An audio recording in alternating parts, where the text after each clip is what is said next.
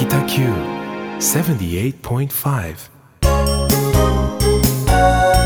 北橋市長のハートフルトーク。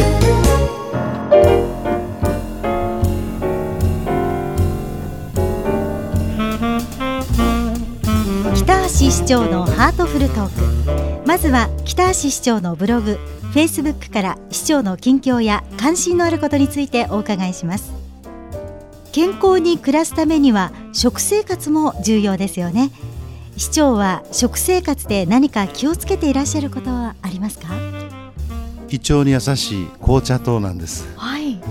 えーそれからですね塩分をできるだけ控えめにすることが頭の中で分かってるんですけどなかなか実行はねね知らず知らずあのしょっぱいものに手を出していることが日本の場合多いと思うんですね。ええ。ですからあの例えば中華料理をね海外で食べてみるとよくわかりますね。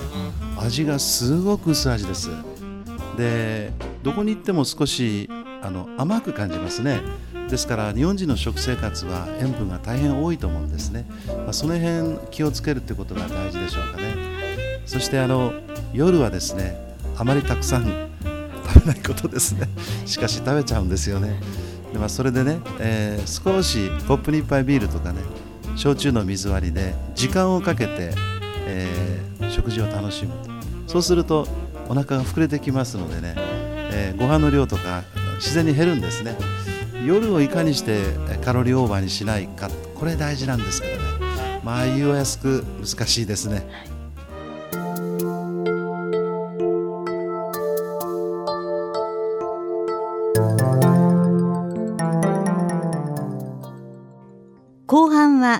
2月9日日曜日に開催される北九州マラソンについて市長にお話を伺います。市長よろしくお願いいたします。よろしくお願いします。北九州マラソンまであとわずかとなりました。まずはどんな大会なのか教えてください。市政50周年のフィナーレを飾るビッグイベントです。北九州市では初めてとなるフルマラソン大会です。1万人規模の市民マラソンが開催されるのは福岡県にとっても初めてのことと聞いています。初めて尽くしなんですね。フルマラソン以外の種目もありますよね。はい。フルマラソンの他にも2人がたすきリレーで 42.195km を走るペアリレーマラソンもあります。こちらには100組200人が参加する予定です。また3キロ5キロの距離を楽しみながら走っていただくファンランもあっておよそ1000人が参加します。1万人以上の方が北九州市を駆け抜ける光景というのは壮観なんでしょうね。初めての大会で準備も大変ではありませんか？そうですね。大会の当日は大規模な交通規制をしなければなりません。コース沿道の方々をはじめ市民の皆様のご理解ご協力なしには開催できません交通規制についてはこれまでさまざまな形で周知してまいりました。大会当日はノーマイカーデーに指定して車での外出をできるだけ控えていただくようお願いしています。市民の皆様に改めてご協力をよろしくお願い申し上げます。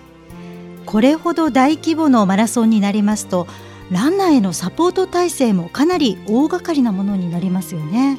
今回大会の運営には4000人以上の市民ボランティアの皆様にお手伝いいただくんですその他にも警備員や警察消防関係者医療関係者市役所の職員など膨大な数のスタッフが関わることになります4000人以上のボランティアはすごいですよね皆さんどんなお手伝いをされるんでしょうか？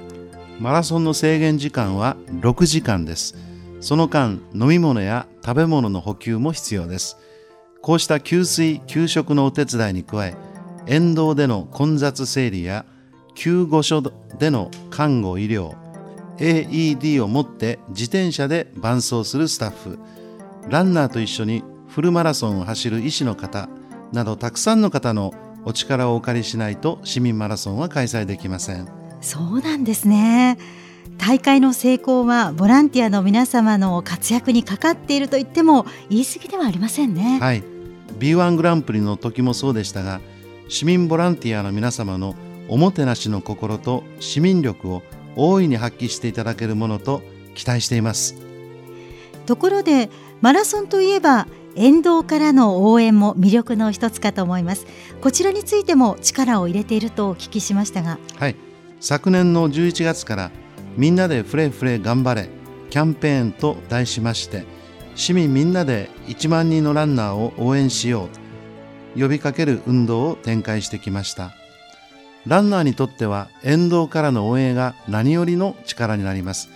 大会当日はぜひ多くの皆様に応援していただきたいと思います。当日は RKB テレビで大会の様子が放映されます。ぜひ皆さんも元気いっぱいに声援を送ってください。ところでゲストランナーの顔ぶれもすごいと聞きました。そうなんです。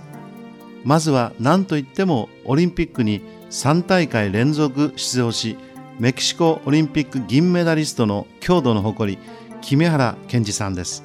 木目原さんには今回のマラソンコースの選定にご協力いただきました。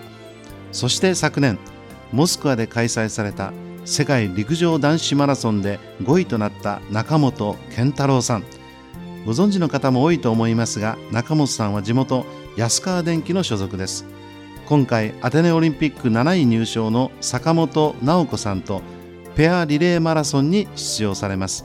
それからマラソン解説やコーチとして市民ランナーにとってはカリスマ的な存在の金哲彦さん。金さんも北九州市のご出身です。そしてオリンピック経験者の山口恵里さん。新宅正成さん。ロックバンド稲子ライダーのベーシスト北九州市観光大使のイサキックさん。以上7名の方がゲストランナーとして走るんです。バルセロナオリンピック銀メダリストの有森裕子さんも参加されると聞きましたが。はい。ランナーとしてではなく今回はゲストで参加されます。ランナーの応援などいろいろとご活躍いただく予定です。大会当日はマラソン以外のお楽しみもあるかと思いますがどんなことがあるんでしょうか？